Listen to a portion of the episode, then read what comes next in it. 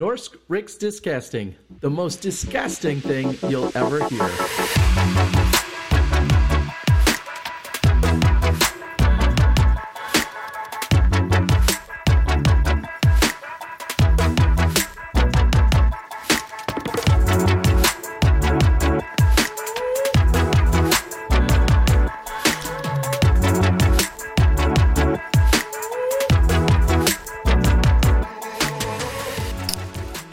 Velkommen til Norsk Riksdiskasting, episode 41.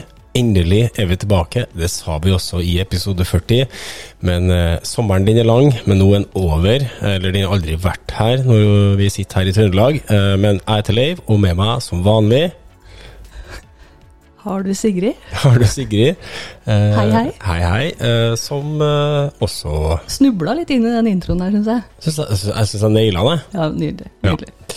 Eh, jo, vi må jo nesten bare forklare hvorfor vi har vært litt eh, av. Eh, sommerferie er jo ei tid hvor folk ofte reiser, men det har også vært mye som har skjedd. Eh, Men eh, altså bare eh, det vi ikke la til eh, med i beregninga, var jo at du og jeg reiser jo ikke på sommerferie sammen. nei, Og vi liker jo å være i samme rom når vi har takk og lov for det. Så, så du var på ferie, jeg har vært på ferie. Eh, Sula, korona. Jeg har klart å få korona. Ja, du har endelig fått korona, du. Jepp. Det Nå gjorde du Jeg fikk det nok på Sula. Ja. Jeg må nok si det. Kanskje litt dårlig å si det, men jeg fikk det i hvert fall Jeg testet i hvert fall positivt etter Sula. ja. Men det er litt morsomt at du sier, for nå ser jeg at det popper opp sånne tilfeller av folk som får korona. Folk som tror de har hatt korona før, Mm. men som på en måte sier Nei, nå har jeg korona. De var Ja. de når man trodde de hadde korona før, litt sjuk da, men nå er de skikkelig dårlige. Liksom. Jeg Sånn, nå jeg- har jeg korona. Jeg tenkte at jeg kanskje var en sånn som ikke fikk det, Ja. men når jeg fikk det, så ble jeg grisedårlig, og enda så er jeg litt sånn ja, lavt energinivå, kan du si det? Ja. Så det var noe dritt, og jeg vil ikke ha det igjen.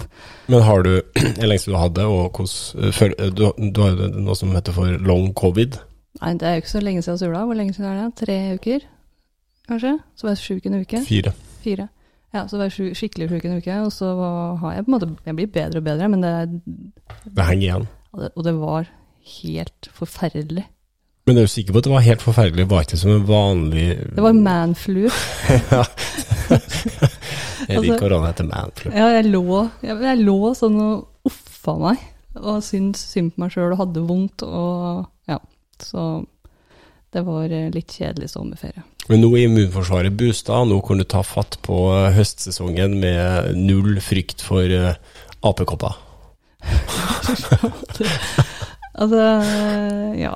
Jeg bare håper vi slipper unna det. da. Ja, det tror jeg. det ser ekkelt ut, altså. Det ser ikke bra ut. Det ser ut som um, Er meslinger? Ja, med sånne gule byller. Åh. Nei takk. Nei takk. Men nå er vi friske og raske og er tilbake. Du var inne på det litt sånn innledningsvis her. PC Sula, det var jo um, starten på ferien min, Mm. og sikkert også din. Jepp. Det var det. Jeg skulle til å si evigvarende ferie, men um, Ja, jeg, jeg gikk jo rett hjem i sykesengen, da. Ja. Men ja, eh, vi Endelig kom dagen hvor Disc Golf Pro Tour eh, tok et sjumilssteg over eh, eh, Atlanterhavet og inn i Europa for å, å se om det er liv laga å eh, arrangere eh, high end-turneringer med livestream eh, disc golf. Og det var det. Altså, det var for et forbanna sirkus, det greiene der her. altså, det er jo, det er jo litt sånn mytebekreftende. Eh, Disse, alle disse amerikanerne og Jeff Spring og altså det eh, Og ikke minst spillerne. Altså bare det der med å, å se James Conrad spille på Sula altså bare, De er her, liksom. Det er jo eh, Det er gøy, og det var stas å oppleve det. Absolutt. Nå uteble jo en del av de største stjernene. Vi snakka med Jostein på forrige podkast om hvorfor. Eh, det var jo mange, mange Man kan jo ha mange grunner til det. Det var James Conrad, som du sier.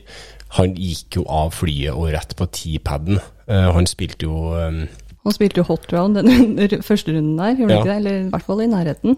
Han kom jo rett ifra en, en Elite Series, Mm. Og for å rekke det, så måtte han altså Spille Sula blind, og Mm. dere som har vært på Sula, vet jo at det kan jo by på utfordringer. Men på den annen side, runde to var jo ikke så bra. Så det er jo også noe med at man veit jo ikke helt hva man skal være redd for. Jeg tror han sa det sjøl òg, at det, det her er det bare å prøve, og så veit jeg ikke hva som kan gå gærent. Kunne at han var litt jetlagged, jeg vet ikke. Litt sånn fucka etter den reisen. Men det funka jo tydeligvis. Ja ja, og ikke sove og spille sula. Der har du oppskrifta på en eh, hot round, altså. Ta en liten eh, flytur rundt eh, i verden, og så går du rett fra flyet og rett på T-pad. Vinker pent.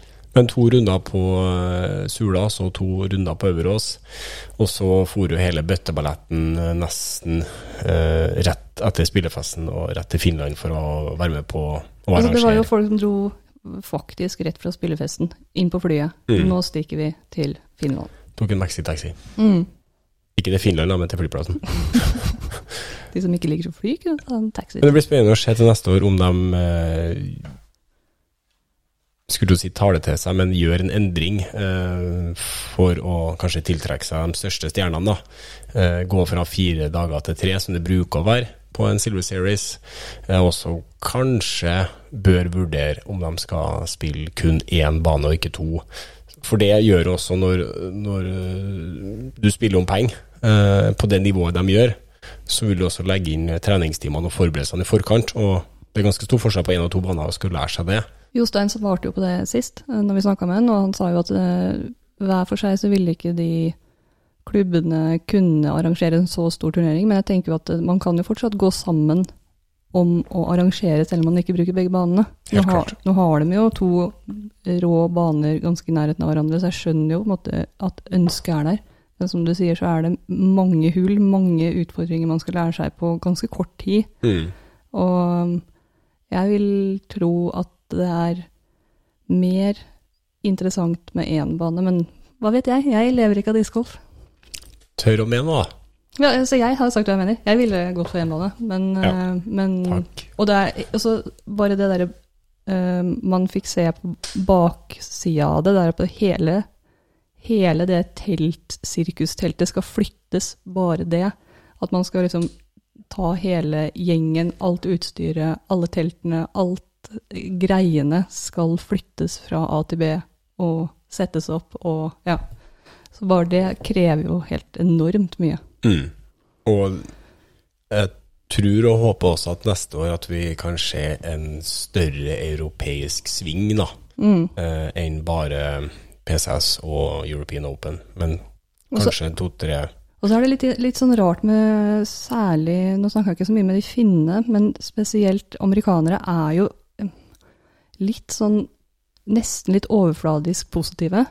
Eh, Så det er litt vanskelig å vite hva De syns jo bare alt er dritfett, og alle fjellene er helt det nydeligste de har sett, og se på fjorden og Altså, det er pent. Det er pent der, men, eh, men eh, jeg kunne gjerne jeg kunne, eh, Det kunne vært interessant å sitte i et rom eh, som er lukka, og spurt hva syns du, faktisk. Altså, hva, eh, for alt er jo bare helt amazing hele tida. Og det er det jo ikke. Det kan jo ikke være sånn. Man kan ikke være så, alle kan ikke være så positive. Det var bra, det var bra, men, men, men for å steppe opp, så må man jo også få noe kritikk. mm. Jeg hørte ingenting, så de har jo gjort mye bra. Nei, men det får du ikke eh, i trynet underveis i turnering, eller da. Nei, de syns jo eksempel at det derre som vi kanskje kan, som nordmenn synes er litt tacky, eh, det derre vikingtemaet. jeg spurte et par stykker på den testen, for da tenkte jeg nå, det, nå kan det kanskje komme frem. Men de syns jo det er dritfett. Altså, de syns det er Jo, jo. rått. Men i, når du i tillegg har Kristoffer Hivju som springer rundt på en bane Ja, og går ned på knær og Ja, ja. Og han er jo sånn. Og når, eh, når eh, Greg Barsby vinner, så får han den øksa Ja, og headbanger den- På en traktor der. Men på den festen nå står det headbanger til, eh, til Valhall med der For et opplegg. Men de digga det helt, da. Og syntes det var fett. Eh, Det var e Hvem var det igjen, som sa um, at han har vært på en sånn museum? Bare der var det jo litt mer sånn eh, eh, Altså faktisk eh, Det var ikke så mye plast og sånn. Men jeg, jeg tror de syns, uh, syns det var eh, en morsom, en, at det er en morsom gimmick. da. Vi, Ja, men det er en det litt annerledes, og så er det noe norrønt og, og, og eksotisk over det, ikke sant? Og så syns jeg, jeg må si jeg syns at arrangørene der står veldig i det. Altså, det er ikke sånn at egentlig så syns vi dette her er litt teit, men man bare blir med. Altså, altså hele den festen satt jo og rocka til eh, Ja, vi gjorde alle ting der som vi ikke ville gjort andre steder. Veldig morsom digresjon, men under eh, På European Open så satt eh, hele Disc Golf Network og Disc Golf Pro Tour og gjorde seg klar før lead card skulle ut og filmes. I nesten litt sånn, det så, jeg var, fikk tilsendt en video da, fra et sånn slags locker room, sånn, sånn som en fotballgarderobe. Eh, med Valhall-låta på full vreng, og hele Disco Pro Tour-administrasjonen gaula og kun teksten. Den norske, svenske teksten der. og sendt det til Jostein, som jeg fikk se. da.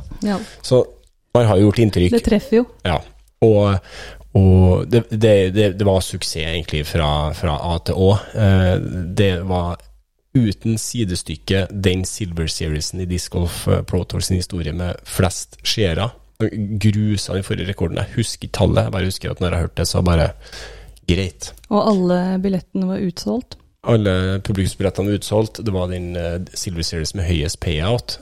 Silver Series ligger vanligvis på rundt 25 000-30 000 dollar. Her var det 48 000. Mm. Eh, og ja, det, eh, det skrytes hemningsløst i Europa av eh, turneringer fra dem som var til stede. Eh, Og det er jo kjempeviktig. Altså Ja. det, det, er, det var egentlig det vi snakka med Jostein om også. Altså få dem til å angre på at de ikke kom da, Mm. og opplevde det. For det var virkelig en opplevelse.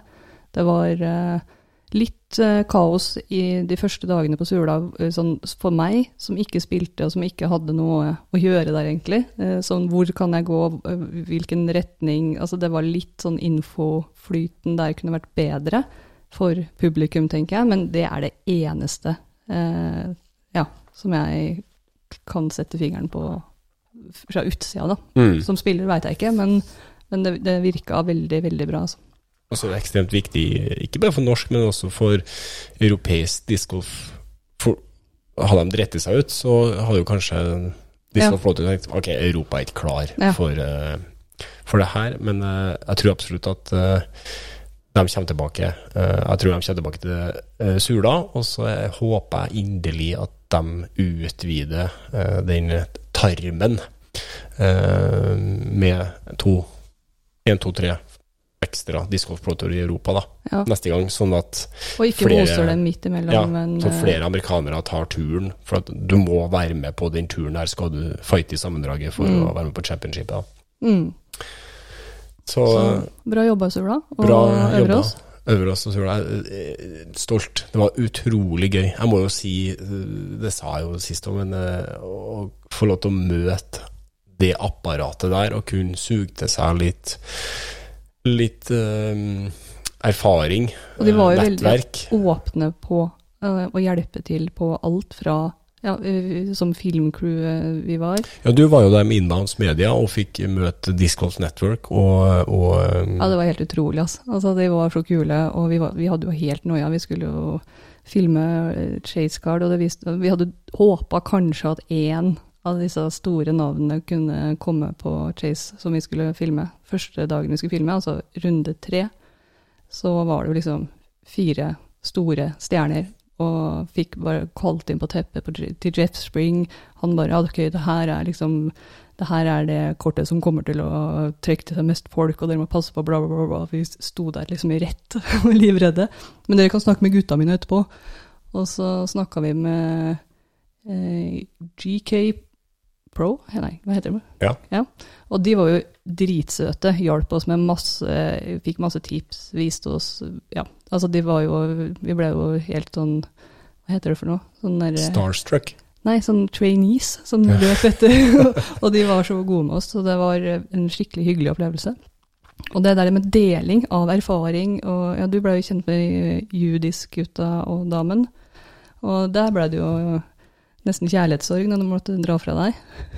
Jeg savner eh, Altså Men da du fikk henge på dem hele tida, hele tida fikk vite hvordan ting funker, hva som ikke funker, altså hvordan de tenker tenk, altså Det er så bra eh, for discgolf at det fins folk som er hypp på å dele alt det der. Både, ja, så det, å, ja, det var veldig gøy. Det var, det var jo helt Det var til tider litt sånn surrealistisk Ja, ja. Og, stå på en T-pad og se utover Romsdalsfjorden, skulle du si, og, og du hører Valhalla tjome gjennom eh, Og Kevin Jones står og putter, liksom. Ja, Kevin Jones står og putter, og, og Jeff Spring står på høyresida mi, og, og Thomas Gilbert i badekaret ved siden av. det, var, det var helt vilt. Var sånn, uh, kult, da. Og, og uh, ja, jeg tror veldig mange spillere, norske spillere, uh, støtteapparat og, og i hele, i hele tatt på en måte har så mye igjen for den, eh, det besøket der, og, og enda bedre klar for neste. Men jeg tror at vi skal ta med oss også at vi har nok en, et høyere krav og en høyere standard i Norge på turneringer enn USA. Mange andre steder. Ja.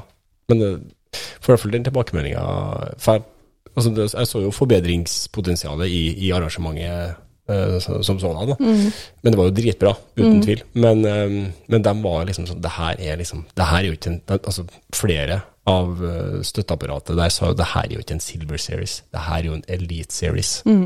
Og det sier jo litt. Eh, Og de har vært med, vært med på en del. vært med på en del. Så all kred og ære til gjengen på PCS eh, Sula Open, altså Langevåg eh, frisbeeklubb og Øverås frisbeeklubb. Og hvis du ikke var der, så gikk du glipp av noe. Synd for deg.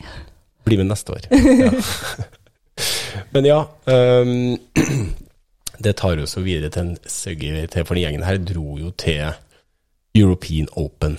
Uh, og der kom jo de største stjernene, og det var jo helt vilt uh, hva vi så på Disc Golf Network. Altså, Det, det vi ikke snakka om nå da på PC Sula, at det var jo publikumshåndtering som vi aldri har eh, gjort før. Ja. Betalte billetter, og Uh, spesielt kanskje Langevåg, men også Øverås, er jo ikke akkurat tilrettelagt for noen store publikumsmasser. Nei. For de banene er uh, Langevåg er ganske lang og vanskelig og trang. Mens Øverås er utrolig kompakt. Um, så det var jeg, jeg var med et par runder hvor jeg var hjalp til med publikumshåndtering, og det var stress. mm.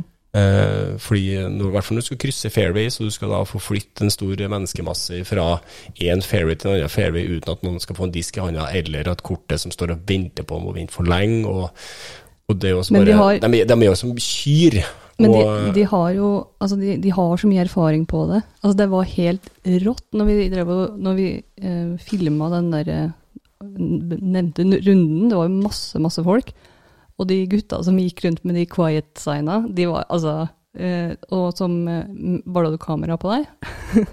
eh, Camilla, som jeg også filmer med, hun fortalte hun hadde bare hun filmet, Vi filmer litt mens de, gruppa går vekk fra eh, kurven. Og så bare hadde jeg liksom filma, filma, filma, og så hadde jeg snudd seg, så hadde jeg bare sett et sånt hav av folk hvor de gutta hadde stoppa. For det, det er sånn regelen at når, når kameraet står stille, så skal ikke publikum gå foran. Mm. Så hun bare Oi, shit! Full kontroll, liksom. Altså, vi følte seg veldig viktig akkurat der og da. da. Det er morsomt for at han Phil Dion, som på en måte ofte tar eh, lead på det der på Disc Golf Pro Tour med opplæring, og også er med på publikumskontroll, har jo ganske mye erfaring. Han sa det som var unikt med det norske publikummet, er at alltid hvis Når han stoppa dem, så skulle de alltid ta bare et steg til. Bare, ja. bare, skulle bare pushe grensa hele tida. Ja. Det syns jeg var ganske morsomt. Ellers så vi, hører vi etter. Veldig sånn oppdragen sånne ting. Men akkurat den derre skal snike til seg den lille halvmeteren der, det Jeg fikk høre at eh, Kevin Jones hadde sagt at eh, det norske publikummet jubla for alt. Ja. Han var, ikke, han var rett og slett misfornøyd med det. Ja, det, men det er litt sånn norskt. Altså, vi har snakka litt om det rundt omkring, og det er litt sånn derre vi, vi klarer ikke helt den stillheten, og så blir det noen som bare altså, James Conrad kasta OB, så fikk han liksom en applaus likevel. Fordi det blir sånn pinlig stillhet, og det, Mm. det vil vi ikke ha. Så det, det er morsomt med sånn observasjoner og kultur, og, og vi, vi bare helt frem for å se. Gå litt nærmere. Ja. Men ja, eh, det var betalt publikum. Eh, European Open, der, eh, der nekta Jussi Meresma, han som var ikke turneringsdirektør, men Sjefen i Finland. ja, sjefen av turneringa, da. Han nekta å ta billettinntekter, for at han ville ha så mye folk som overhodet mulig. Han er jo et businesshue. Og det klarte han, da. Og skjønner at hvis han klarer å putte mye folk der, så blir det snakkis. Og det ble det jo. Det var jo et folkehav uten Og det var helt drøyt. Ja, det var som å være på sånn, eh, en festival.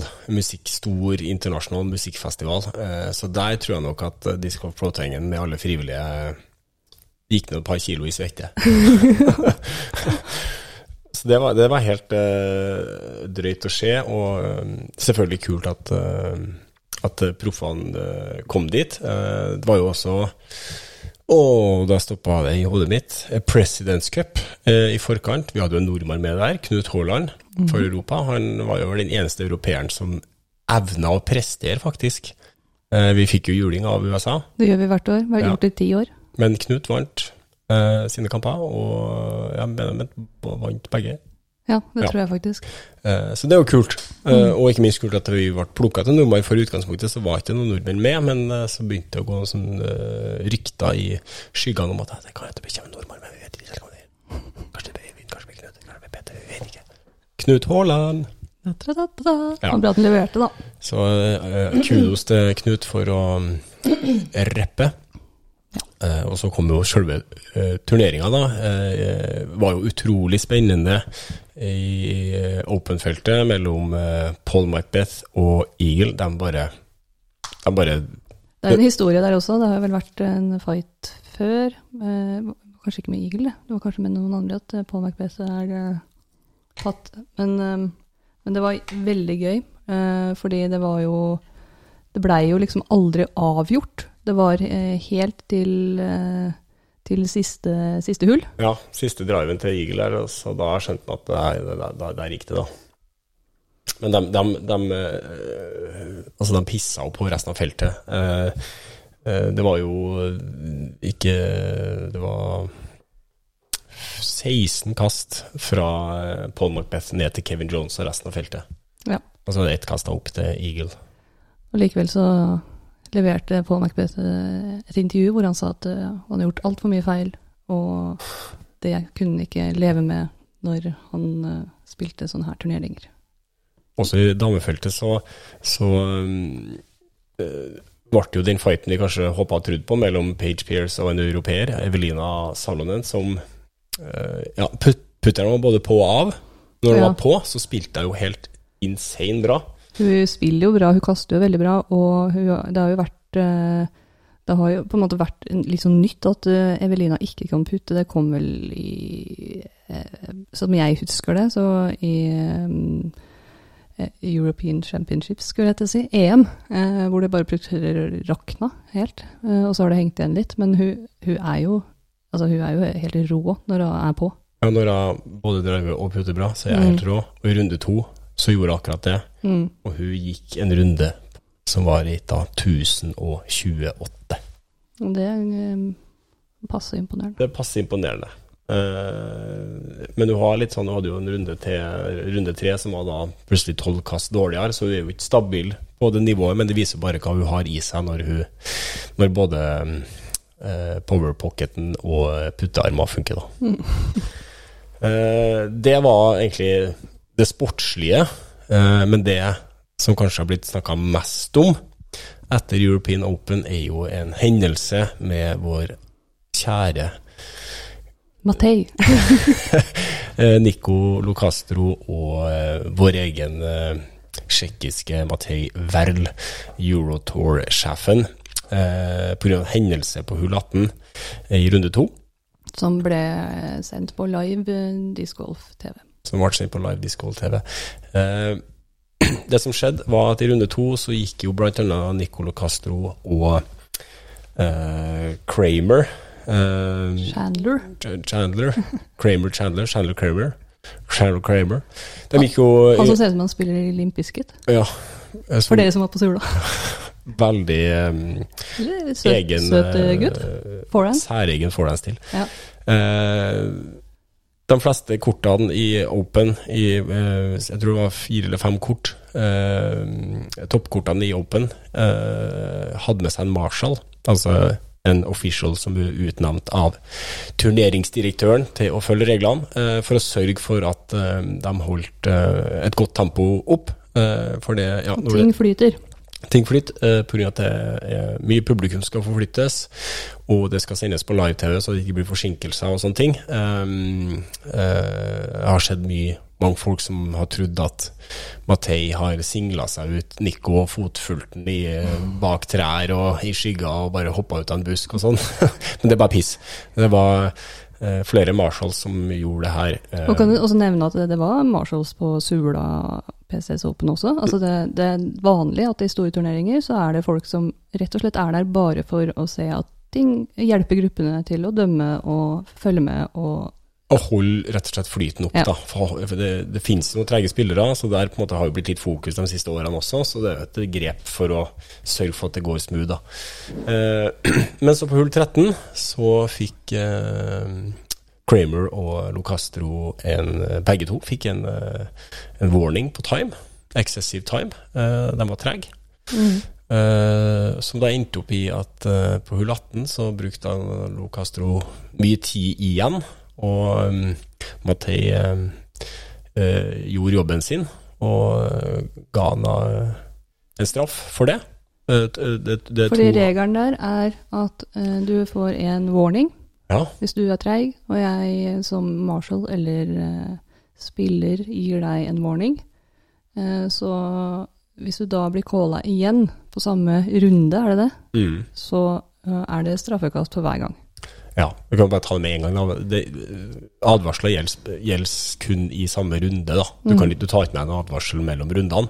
Sånn at hvis du skal påløpe deg noe straffekast, så må du gjøre da eh, få to violations, courtesy violations i løpet av eh, En runde. en runde, ja. Det da regelen vi snakker om her, da, er da hvis du blar opp i eh, Official Rules of Disc Golf, så er det for 802.03 Excessive Time, punkt B. Uh, og da eh, er det da at hvis du Og det, tida du har, er når Fairwind er klar, Og det er din tur. og det er din tur, så har du 30 sekunder på å kaste den disken. Ja. Gjør deg ferdig. Eh, og da og Det skal jo litt til, fordi man, det er ingen som nødvendigvis står med ei stoppeklokke. Det vil jeg nok tro at de har et øye med. Ja. Eh, men du skal, skal du, Jeg vil nok tro at de har vært trege før hull 13. Det er ikke sånn at de har vært skolepika skolepiker og så på hull 13 brukt 32 sekunder og fått en advarsel. Jeg tror ikke de har vært trege en god stund eh, og um, brukt tid, da. Vært trege. eh, Fått advarsel. Og så på 18 så, så går da Matei fram til Locastro og sier eh, du får et straffekast for din advarsel. Og uh, Locastro roper 'why' og går opp i trynet på han, og så skjer det som skjer, da. Eh, Og det er jo ikke pga. dette her, altså det er ikke pga. tid og egentlig den callinga. Eh, det har blitt så mye prat nå. nei, det det for det som- som skjer, da, er at når eh, De fleste har nok fått med seg det, Ja ja, men de som ikke har fått det med seg, skal få høre det nå. som har bodd under en stein. Ja, akkurat. Nei, så, så eh, mens Matei uh, forklarer hvorfor han har- får et um, straffekast, så roper jo Altså, uh, Nicolo Castro går helt opp i ansiktet på han, legger hendene på ryggen og roper 'why', uh, og gjentar 'why'. Det er ikke noe mye personal space akkurat der, nei. Excessive time, sier Matei, og så, så roper uh, Nico igjen 'why', og sier PJ rules. og så eh, Syns han, synes han svarte godt. Svarer på det han ble spurt om. Ja, ja. For Matei må jo få med seg at det står et kamera der, og livesending, på en måte. Og det må jo sitte litt langt inn og skal gjøre det, for du må Det er jobben hans. Ja. Men, men han er jo et menneske, så jeg tenker at noen, det er jo på en måte veldig provoserende at noen kommer opp i trynet på deg og er liksom Jeg, jeg tror ikke jeg har vært like Jeg vet ikke hvor stressa han var, men jeg tror ikke han har vært like stressa hvis det var James Conrad. Nei. Jeg skulle ha sagt det til. Men uansett, da. eh, det er jo en grunn så- til at folk blir stressa, tydeligvis. da. Ja, ja. og så sier eh, Nico eh, 'step away from me', og det gjør han. Eh, Måtte går gå derfra da. han går derfra da. Han, han, han, kikker jo på Nico, fordi den uh, kroppsspråket til Nico er jo Det tror jeg jeg hadde gjort. Ja. Altså. Sett, passa litt på at den Ja, det, jeg har i hvert fall vært redd for at det skulle komme inn tjatring i bakhuet der. uh, og så fortsetter jo Nico på en måte og vil jo ha en stirrekonkurranse sin, og går opp i trynet på han igjen. ja. Og da eh, sier jo kommentatorene til Disco Network at ja, this doesn't look good, Nico. ja. Nico, Nico. Ja. This just happened. Og så klipper de over til da um, et annet kort, da. Ja. Får det bort. Litt skuffa over at ikke de tar mer tak i den situasjonen, Mm. for det er så viktig at det der blir snakka om. Men de gjorde det dagen etter. ja da, Det skal de ha. men, men Og de viste bildene, og, men Ja, det, det kan du si, men eh, jeg skulle ønske at de på en måte hadde ja, tatt litt mer tak i det, da. mm, Og så, eh, så ser vi, eh, blir det klippa bort, og så er det ikke noe mer om den saken på Disc Golf Network. eh, Men det er jo furore i sosiale medier. eh, Og folk roper 'han må bli diska', og 'nei, det er altfor strengt', og 'Matei provoserte han'. og- PDGA kan legges ned hvis de ikke reagerer på dette. ja, ja, og, ja, det var ikke måte på alt som skulle skje med PDGA hvis ikke de gjorde noe med det her. Eh, og så, litt utpå kvelden, så kommer det jo en eh, videosnutt fra um, Nicolo Castro, eh, rett etter at eh, PDGA av European Open har annonsert at han på bakgrunn av oppførselen sin eh, er diska, da. Og da kan man jo spekulere eh, Han hadde jo ganske mange timer på å angre og lage den videoen Mm. eh, før han får en, før oppførselen hans fikk en følge, da. Nå skal vi også kanskje nevne at eh, akkurat denne spilleren har jo vært i situasjoner før og laget videoer hvor han angrer. Ja. det er ikke nytt av dage. Nei.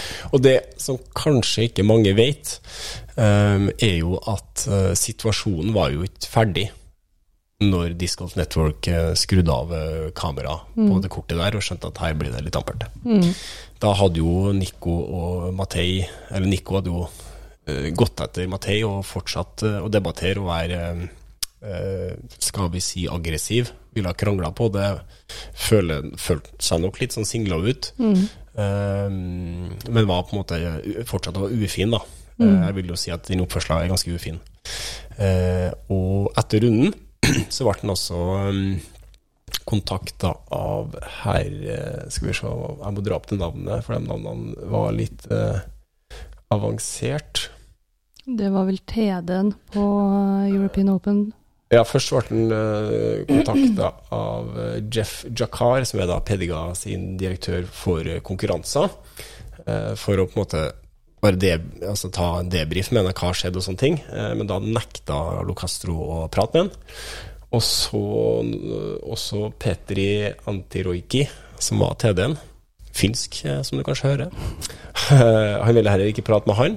Eh, var ikke interessert i å rydde opp i noen ting, var bare forbanna. føl- Følte seg urettferdig behandla, rett og slett. Ja, for det, er jo øh, sånn Sånn er det jo med flere Altså hvis du er TD, og jeg er i en situasjon øh, som enten kanskje jeg får noen reaksjoner på, sånn, så er det jo litt sånn jobben din å få min versjon av øh, situasjonen. Mm. Og det var da ikke herr Lacastro spesielt interessert i å gi, Mm. Fordi han fortsatt var litt sint. Men han ble da diskvalifisert fra turneringa, eh, og da eh, man, jo ikke, man trodde jo ikke at det stoppa der. Det her måtte jo få eh, noen ytterligere følger. Men vet du hvorfor Altså, på, altså jeg skjønner jo at det ikke er greit å oppføre seg sånn, for Mm. jeg syns ikke det så så hyggelig ut. Men, men er, det, er det Det må jo være et regelbrudd der. Er det Kanskje vi skal dra opp den regelen?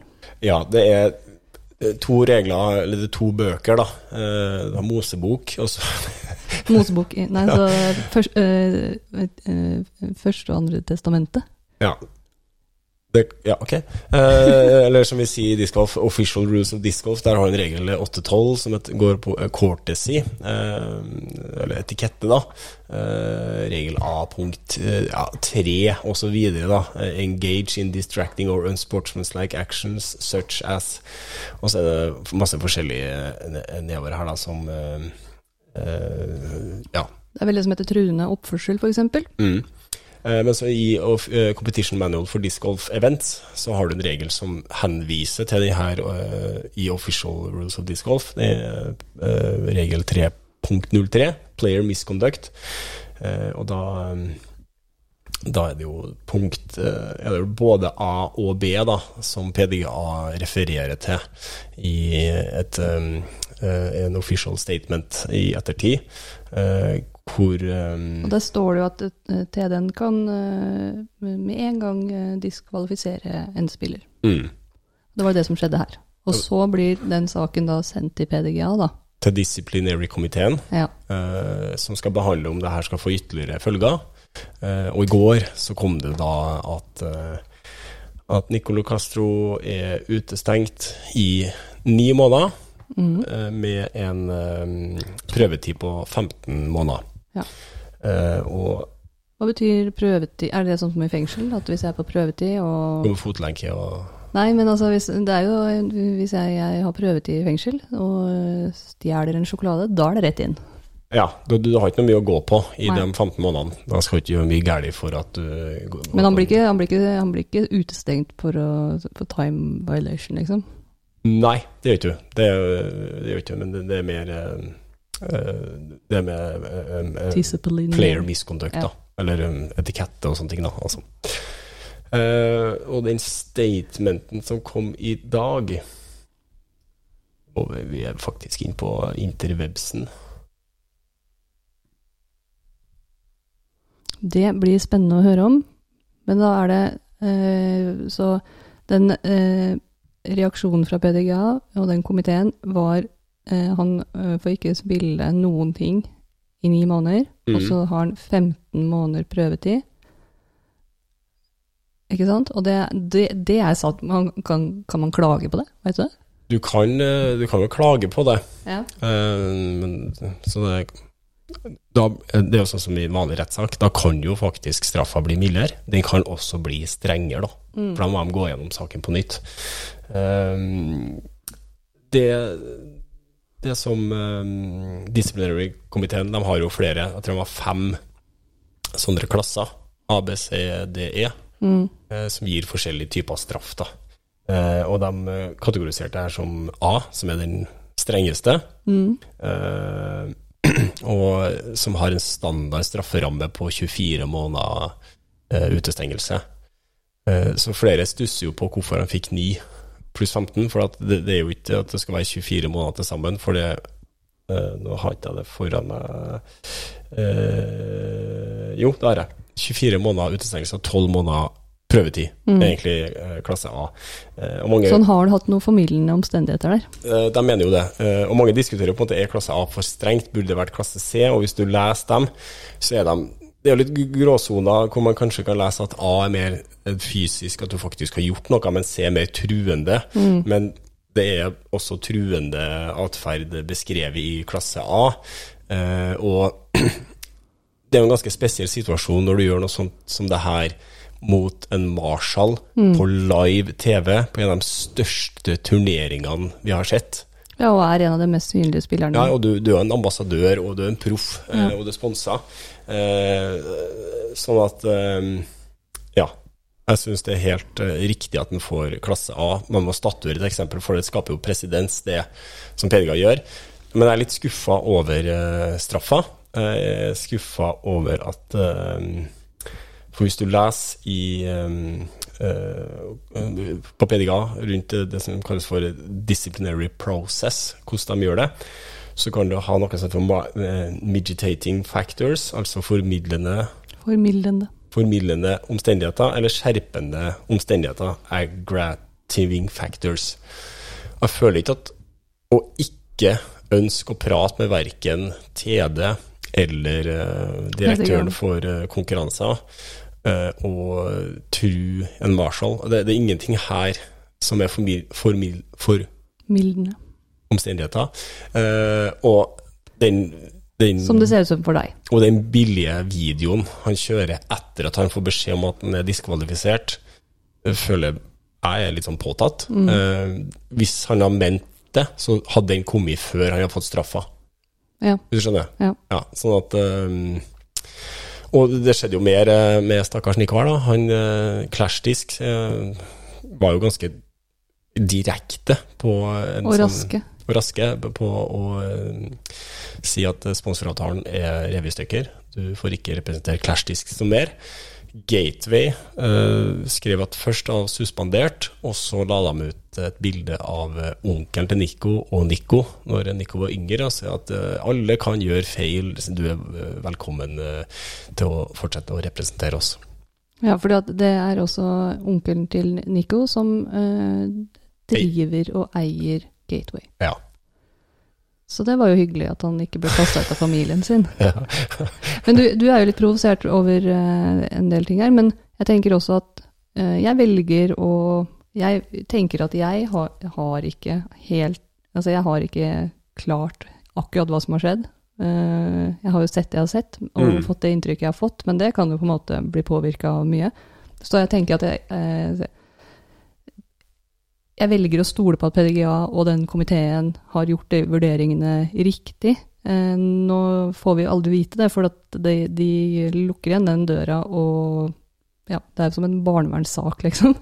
Eh, at man ikke får Man får ikke alle detaljene eh, Nei, i saksgangen. det er på en måte bra, men likevel så tenker jeg at det, det gløder jo litt opp under nettopp det her, da. Altså hvorfor får ikke han full straff for den oppførselen der i den situasjonen der?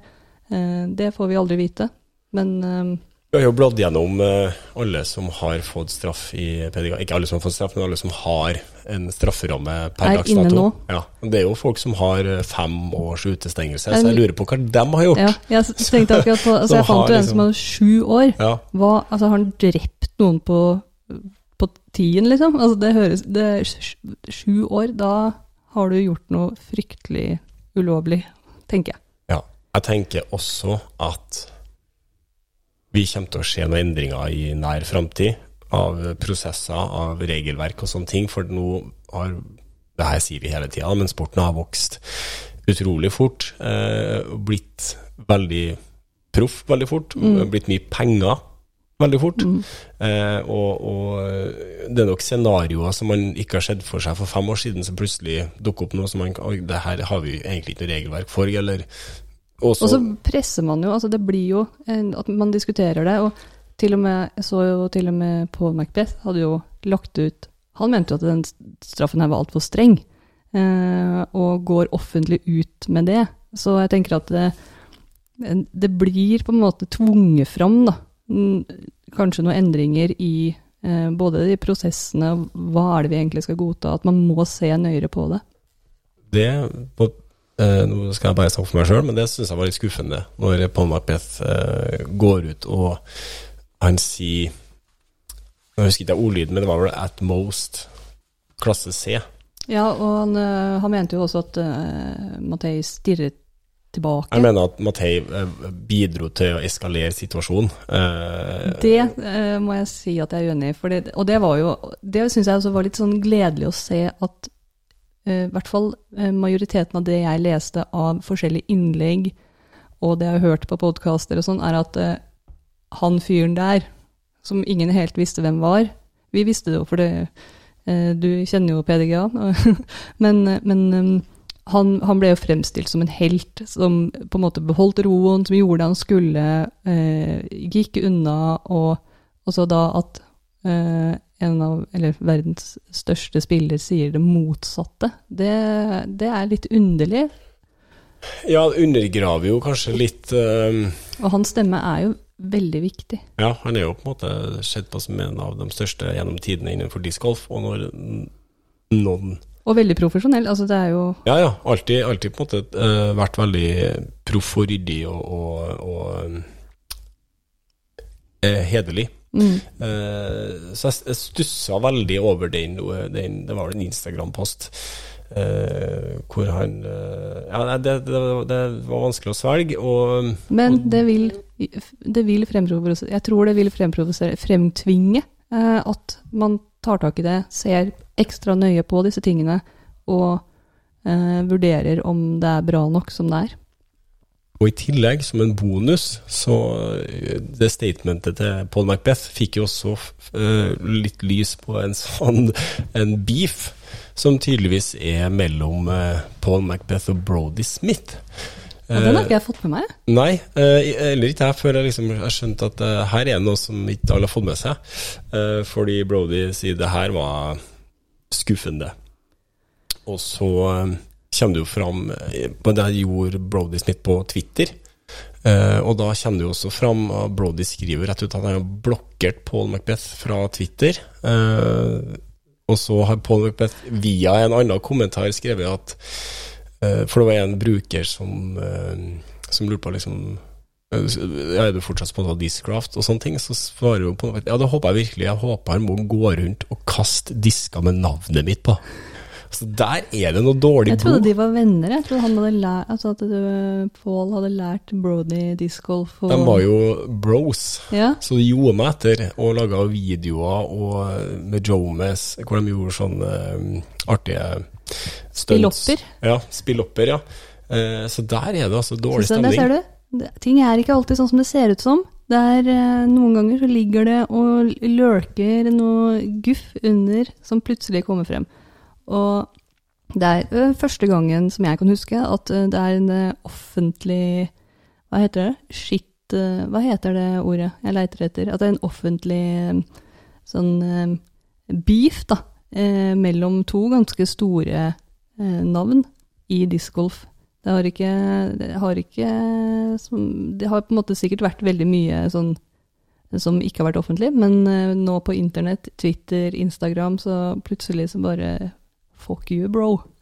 Og Paul, Paul og um, Brody drev jo også Foundation Disc Golf sammen, som er sånn uh, tiltak for å få opp nye baner, kursing, putte mm. disker i, uh, i, hender på skolebarn og ja, spre discgolf, rett og slett. Mm. Der trakk jo Pål seg, var det i fjor eller i forrige fjor? Han har jo noe som heter Macbeth. Ja, nå har han jo starta Macbeth ja. Foundation. Um, og der så stusser man jo hvorfor, uh, hvorfor um, Hvorfor gjorde han det, når de, de hadde, det så ut som de funka veldig bra?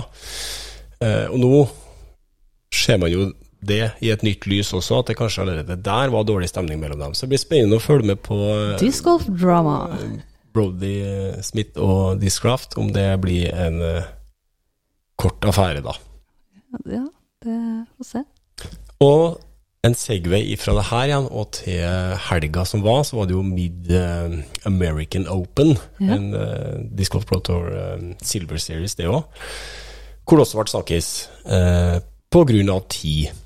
Uh, for der var det sånn at på finalerunden, når Chase-kardet tappa ut på hull 18, så var lead-card på hull 13. Ja, det er lang tid. Og Der hadde du da en, eh, en, spiller som er ung og meget lovende, utrolig god, eh, men kjent for å være treg, Gannon Burr. Han hadde jo med seg et lite arsenal med Alden Harris, som til slutt vant. Beklager, spoiler alert. Men også um, O'Reilly uh, og en spiller til. Uh, og jeg fulgte jo med. Det gikk så tregt.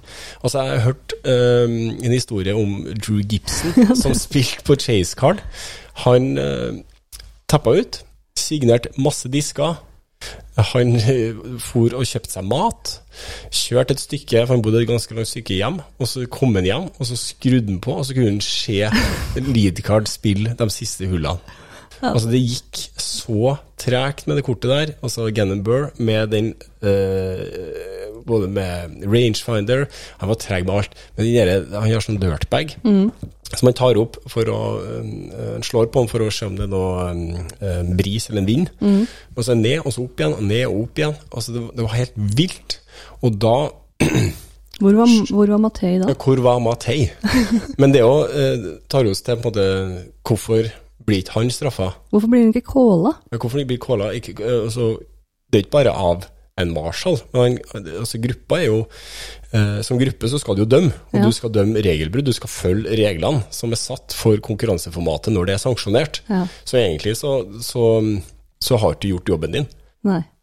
Og da kan du kanskje egentlig få eh, en eller annen violation? Hadde det vært i gruppe bak, så du har Altså, eh, eh, Egentlig så er jo det gruppa som dømmer. Om en disk er OB, om en disk har bomma mando, osv., osv. Men når det kommer til courtesy violations, så kan andre spillere og officials dømme. Ja, og det sjekka vi i stad. Det var uh, hvis man blir påvirka uh, som spiller, så kan du Så hvis du går foran meg Affektet, ja. ja, Mm. Så eh, hvis du går foran meg og er veldig treig, med dirtbag og alt mulig, så at jeg må vente, vente, vente, vente, vente, så kan jeg faktisk calle deg på det. Og det er jo litt interessant, for da blir jeg påvirka. Mm. Og, alle andre blir påvirka. Så det, det er litt spennende. Det er veldig spennende, og, og, men ja, jeg må jo si det, det er skuffende. Og jeg kjenner at jeg har litt lyst til å stille spørsmålstegn ved Disc Golf Pro Tour også, hvorfor Ja. de gjør grep. Hvorfor er det ingen som reagerer på de greiene der? Og da der er, Nå skal jeg komme med en hot topic, da. Ja. For det er De vet nok at det her blir snakkis. De vet at det her selger. De vet at det her er god underholdning, ikke Ja. sant? Det er hovedfokuset. Ja. Eller øh, er det hovedfokuset, skal jeg spørre. Ja, ja, ja. For de vil jo ha seere. De vil jo at folk skal For det, det syns jo jeg var ganske fett når jeg begynte å se på live disc golf. Mm. Så syns jeg at det var kult at man Ja, f.eks. Nico eller eh, Gannon Burr. Så ser du eh, hvor forbanna lang tid de egentlig bruker, da. Mm. Du får det i live. Og det er sånn klipper og ser tre hull fra andre, og så står den enda at du skal putte, liksom.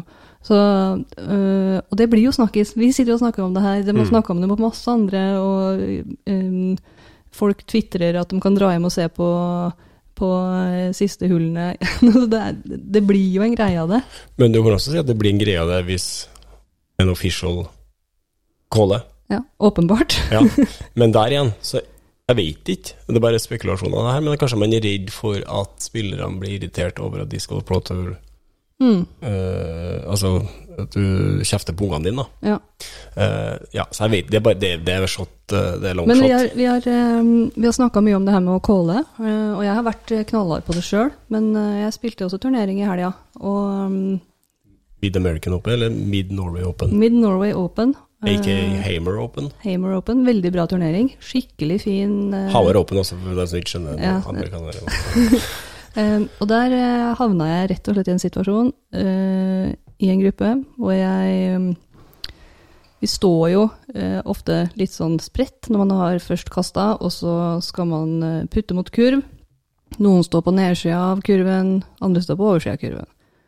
Og så er det en eh, medspiller som skal putte fra Der er alle ringene timetersirkelen er markert. Og det er nesten litt sånn flaut å si det høyt, men eh, Og så skal spilleren eh, putte, og så går foten fram. Så det er egentlig fotfeil. Og i løpet av et halvt sekund så tenker jeg fotfeil. Ser jeg meg rundt, det er ingen andre som er der og kan bekrefte det. Så jeg dropper å si det. Mm. Hmm. Sigrid av alle. Ja, og, og da kjente Kjepphestene og alle jeg ja, ja, ikke sant? Og da kjente jeg at det her må jeg det her må jeg ta til meg. Hvorfor gjør jeg ikke det? Og det, det var helt klart at eh, de andre spillerne så det ikke. Det he, helt, altså de hadde på en måte sagt 'jeg vet ikke'. Så jeg var avhengig av at den det gjaldt, ville på en måte ha godtatt det. da. Eh, og så eh, tenkte jeg at jeg tror jo vedkommende hadde satt den putten uansett. Men like, altså jeg begynte liksom å argumentere for at det var greit å ikke calle til meg sjøl. og hvis, uh, fordi at hvis uh, spilleren som det her gjelder, hadde, hadde sagt nei, det var ikke fotfeil, så ville det kanskje blitt litt sånn guffen stemning, da. Jeg vet, ikke. Altså det, det blei liksom en veldig sånn Og det, alt det her skjedde i løpet av et halvt sekund inni hjernen min. Um, så jeg skal, jeg skal være litt forsiktig med å si du, du skal calle. Fordi det, det er ikke så utrolig lett. Um, og, er, og nå skal det sies at det her var en spiller som jeg ser på som uh, habil og redelig og aldri ville på en måte juksa med intensjon. Uh, ikke at det har noe å si, juks er juks, på en måte, men, og regel er regel. Men bare, det var interessant å observere meg sjøl, hvordan, uh, hvordan jeg takla og ikke håndterte det, sånn som jeg kunne ønske. Selv om jeg har tenkt over at det skal jeg gjøre. Jeg hadde eh, også en annen situasjon. Men bare før du går på andre situasjon, følte at det var eh, juks, eller bare en, en, eh, altså en feil? Altså, gjorde man det med overlegg? altså det eh, som var, var at jeg sto sånn at jeg så jo ikke om den foten egen Altså det var en straddle put. Jeg sto litt på nedsida. Jeg så at foten rørte på seg, men eh, jeg så jo ikke om man på en måte steppa over. Og da, når de andre i gruppa da sto bak meg igjen, og hadde- de, de så ikke bakken i det hele tatt, liksom, og det var trær, eh, så um, hva, hva spurte du om? Nei, om du følte at det var noen som utnytta seg Absolutt ikke. Nei, Ikke det det hele var på en måte en, en, en ærlig feil. Ja, det var en ærlig feil, og det var eh, og jeg, Som jeg sa i stad, ganske helt sikker kan jeg aldri være, men sånn Nei, for det er jo forskjell mellom å, å gjøre det for å få et fortrinn, eller å miste balansen, f.eks. Ja, det var en, en sånn balansemist, men Ja. det er jo fortsatt ikke lov, da. Nei da, jeg bare lurte på, siden var- du sa juks. Ja, eh, det var regelbrudd, da.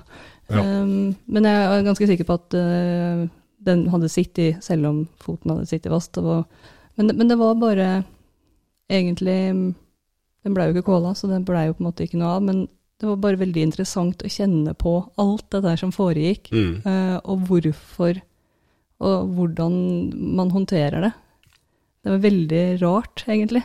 Uh, så Du fikk litt forståelse for dem du driver og kjefter på som ikke Veldig. Ja. Eh, fordi at det er ubehagelig. Det er, og jeg liker den personen godt. Eh, vi hadde en god stemning, det var fint, en bra fight. Altså, det var, altså alt det der var, eh, var til stede da. Eh, og da Du ville ikke ødelegge det? Nei, jeg koste meg så innmari. Jeg nikoste meg.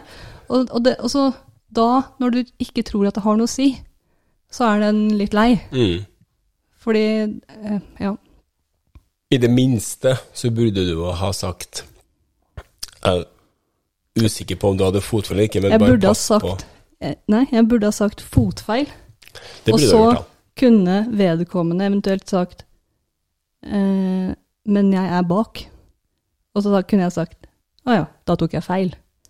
Men jeg gjorde ikke det. Risikerte ikke det. Og det, altså, det plager meg, men jeg velger å si det høyt, fordi det gjør også at jeg kjenner Jeg skjønner veldig godt altså, Når jeg ikke gjør det der, så tenker jeg Hvis den personen hadde vært en kranglefant, og jeg hadde vært helt sikker på at hvis jeg caller her nå, så blir det sur stemning og uh, leie dager fremover, så er det kanskje enda vanskelig. Altså det der med at uh, um, Ja.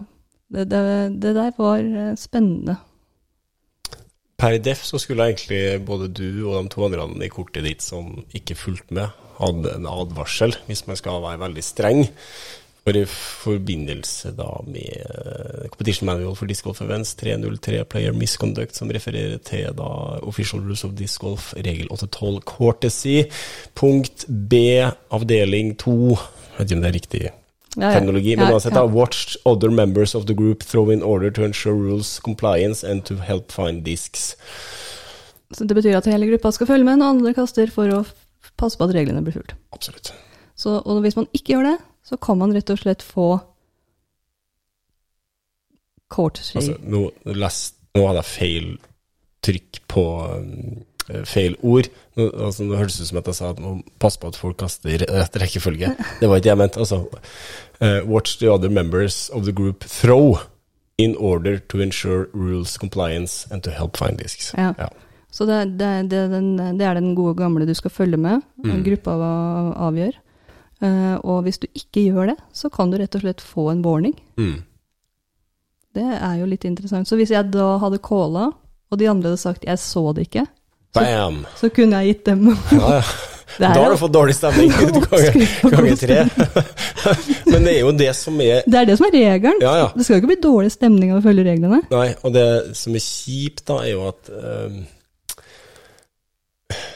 Altså, Men hvor går den grensa for å være regelrytter? Altså Hvis jeg legger meg ned foran deg og måler med, altså med et vaskepinn, sånn derre kosteskaft om du er inn, altså Det er jo ikke noe kult gjort, det heller, liksom. Nei, nei, nei. Og, og, og altså, mantraet her, bare, bare følg reglene. Bare, bare følg med, bare gjør jobben Ja, men din som jo- en medspiller. Men man sitter jo ikke på huk når du skal putte og passe på at foten er innafor og ta av målbåndet. Altså, det er jo ikke sånn. Nei. Eh, men samtidig så er det akkurat den situasjonen der som jeg eh, opplevde, fordi jeg vet at ingen andre kan, eh, kan bekrefte det, Bekrefte, ja. så dropper jeg å calle, for at dropper jeg å bli den som eventuelt legger meg på fjøla for høgg, da. ja.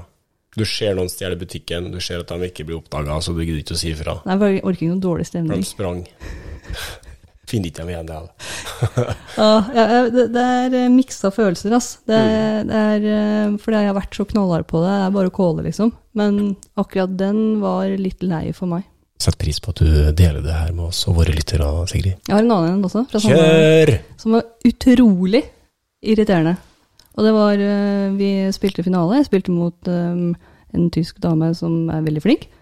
Eh, og så klarte jeg Altså, hun er jo ble gitt av sånn 100 poeng meg, og, og jeg klarte liksom å levere. Jeg klarte å kose meg på siste runden. Klarte å ta igjen på hull 16. Spille hull Nei, 15. Skulle spille hull 16. Det er en sånn lang greie med masse OB. Uh, Første driven inne, digg. Andre driven inne. Og så tredje driven skal du rundt et hjørne. Og da kommer jo min bror og hjalp meg litt. Eh, Og vinkel og høyde og hvor hardt og hvor er OB-en og bla, bla, bla. Og så spilte ferdig. Dreit meg ut på hull 17, mista den, men en bra fight, da. Og så kommer caddien min, av alle mennesker på jord, og sier du du som er så opptatt av regler og tidsbruk. Du brukte sikkert to-tre minutter. Overdrivelse, da, men at jeg brukte altfor lang tid på det tredje kastet. Og min første reaksjon der, vet du hva det er? Fuck you. Dra til helvete, det er faen ikke sant! og det var interessant. Altså, det var spennende, fordi der var jeg så i modus, eh, og så innmari i arbeidsmodus og oppgave og altså, Så jeg måtte svelge unna altså, Min spontanreaksjon var bare nei. Mot eh, La Castro og Bøhr og alle de som bruker lang tid. Altså, det var helt Altså, bare eh, Jo, du brukte altfor lang tid, liksom. Og det Det var Jeg ser på meg selv som ganske effektiv. Jeg klar når det er min tur. Står og tenker hva jeg skal gjøre når de andre kaster, selv om jeg selvfølgelig følger meg også. Um, men å få den, og så bare etter hvert nå, når det har kommet litt inn, så bare ok, kanskje, kanskje jeg brukte litt lang tid da. Uh, det var også interessant, for den reaksjonen der, det var eh, bare rett i forsvar, og helst i angrep. Eh, så, så jeg tenker at det, det kan være greit eh, å ha noen som sier fra til deg, sånn at du får øvd deg litt på, på hvordan For hvis noen andre hadde Hvis jeg faktisk hadde blitt calla på tid der, så jeg håper da ikke at jeg hadde reagert sånn, da. Men, men jeg kan likevel forstå at det er frustrerende, for at man er helt i modus. Men eh, anerkjente du at du var treg, da? Jeg var, ja, jeg gjør det Eller, nå. eller kikker du på at du reagerte på den måten du reagerte? Eh, jeg hadde ikke tenkt over det før det ble sagt til meg, at jeg var treg på akkurat det kastet. Um, også, men, men det også er sånn, når jeg går tilbake, så bare Hva er det jeg kicker sånn på? Uh, og jeg følte det så fryktelig fornærmende at min egen caddy skulle si det, liksom. Uh, men det er jo kjempebra at den gjør. Eh, så det, det var liksom eh, Det er på en måte bare en oppmerksomhet. Det her må du øve på. Eh, men den reaksjonen inni meg var bare Altså, det føltes ut som et enormt svik. Og det, det er det jo ikke. Det er bare tull. Så det var, ja, det var sånn Sigrid Sigrid bretter seg ut. Sigrids sjølransakelse. Ja, men det, det er interessant, fordi at jeg har vært så knallhard på det sjøl. At det, det skal ikke være noe stress, og vi skal være venner likevel. Og, og så både er jeg den som trekker meg på kåle, og er den som kjenner på den store fornærmelsen for at noen påpeker at jeg gjør feil. Så ja, det er lett å prate. Det er lett å sitte bak mikken og prate. Skjerp dere! Ja, men Altså, eh, Er du treg og kåler ikke fot? ja, helt, Ja. helt på tur sjøl.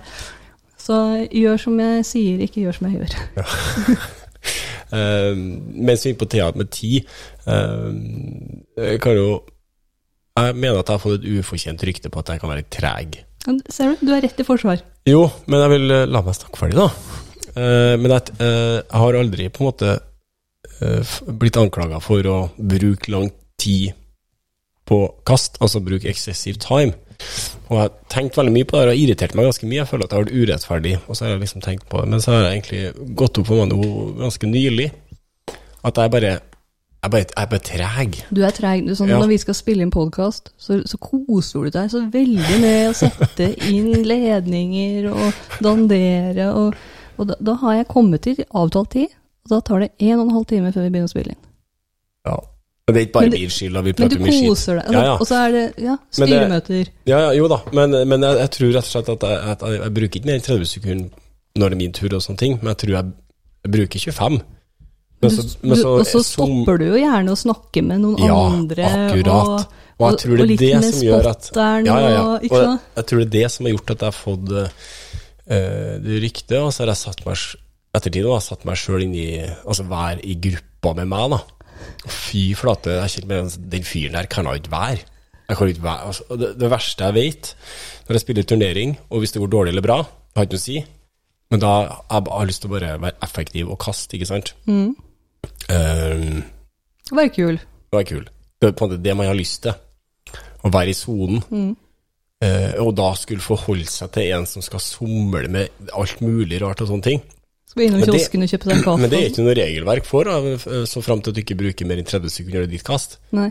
Det er noe å tenke over. Men du skal være på tiden, eksempel, når, um, når det er klart. Ja, men det klarer jeg å somle meg til, ikke sant? Men det er liksom bare det å fra A til Å og, og, og Ja, jeg tror bare at jeg, jeg må skjerpe meg på det her. Ja. rett og slett.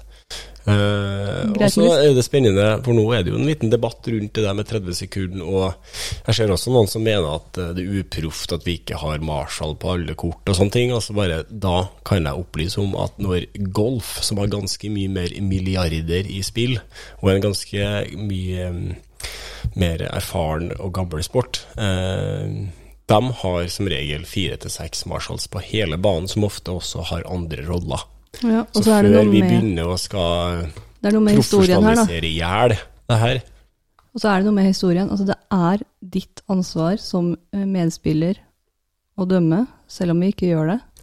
Eh, Men det er faktisk ditt ansvar, og det er det, er det som er litt flott også. Mm. Altså, det er, gjør at vi må kunne reglene, vi må kjenne litt på ting sjæl. Vi må ehm, det, Og jeg tenker at det, det er en del av ehm, sjarmen Jeg sier sjarmen, selv om det helst skulle vært noe mer proft kan bli borte, da, hvis det alltid skal være noen andre som skal avgjøre. At det ikke er ditt ansvar. At, er, at uh, man skal være kul med hverandre. Man skal, altså det er en del av uh, hele gamet vårt.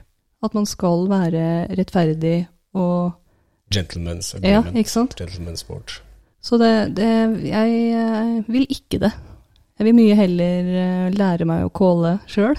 Og lære meg å håndtere hvis jeg blir oppmerksomgjort på uh, at jeg uh, bruker litt tid. Vi hadde en uh, Apropos Sula, så hadde vi en kjapp livesending der, hvor vi lovte en disk. Vi fikk aldri sendt noe mer derfra. Vi har en kjapp livesending med Luke Humphries for en koselig, trivelig, eh, down to earth-fyr. Eh, jeg vet ikke om vi kom helt inn i kjernen på Luke. Jeg tror nok at, eh, han, har noe, at han er en liten løk med mange lag. Men det var veldig hyggelig. eh, Løken men- Luke? Løken Luke, ja. Du tok den, du? Men vi lovte å Vi har jo en fantastisk sponsor, samarbeidspartner og god venn, ikke minst i Tobias Kristiansen, aka Toby Dice, som sender oss disker i tide og utide som han ønsker at vi skal dele ut. Det er jo god markedsføring for han, selvfølgelig, men også fordi at han er en knakende god fyr. Vi gir ham en shout-out. Eh, men det gjør at vi også skal sette litt pris på våre fantastiske patrons, som gjør at vi Vi har en skikkelig fin harp. Eh, hvis du ikke har sett den allerede, så ligger den på eh, Facebook-sidene våre på den sendinga. Mm. Den skal vi Som- til en patron nå. Løken Luke har eh, signert.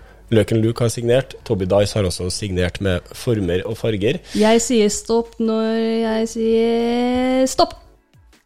Jonas Isaksen, Du skal få en nydelig harp, signert av Løken Luke. lag og diet av selveste Toby Diet. Yes. Send oss eh, adressen din på PM, så skal vi få sendt den. Sigrid skal få lov til å sende den til deg i posten. Da gjenstår det for oss bare å si takk for oss. Vi er meget snart tilbake. Da skal vi snakke om nok et hot topic, nemlig Viftiv sitt lag-VM og eh, Norge sin absence ifra det. Takk for oss. Takk for oss.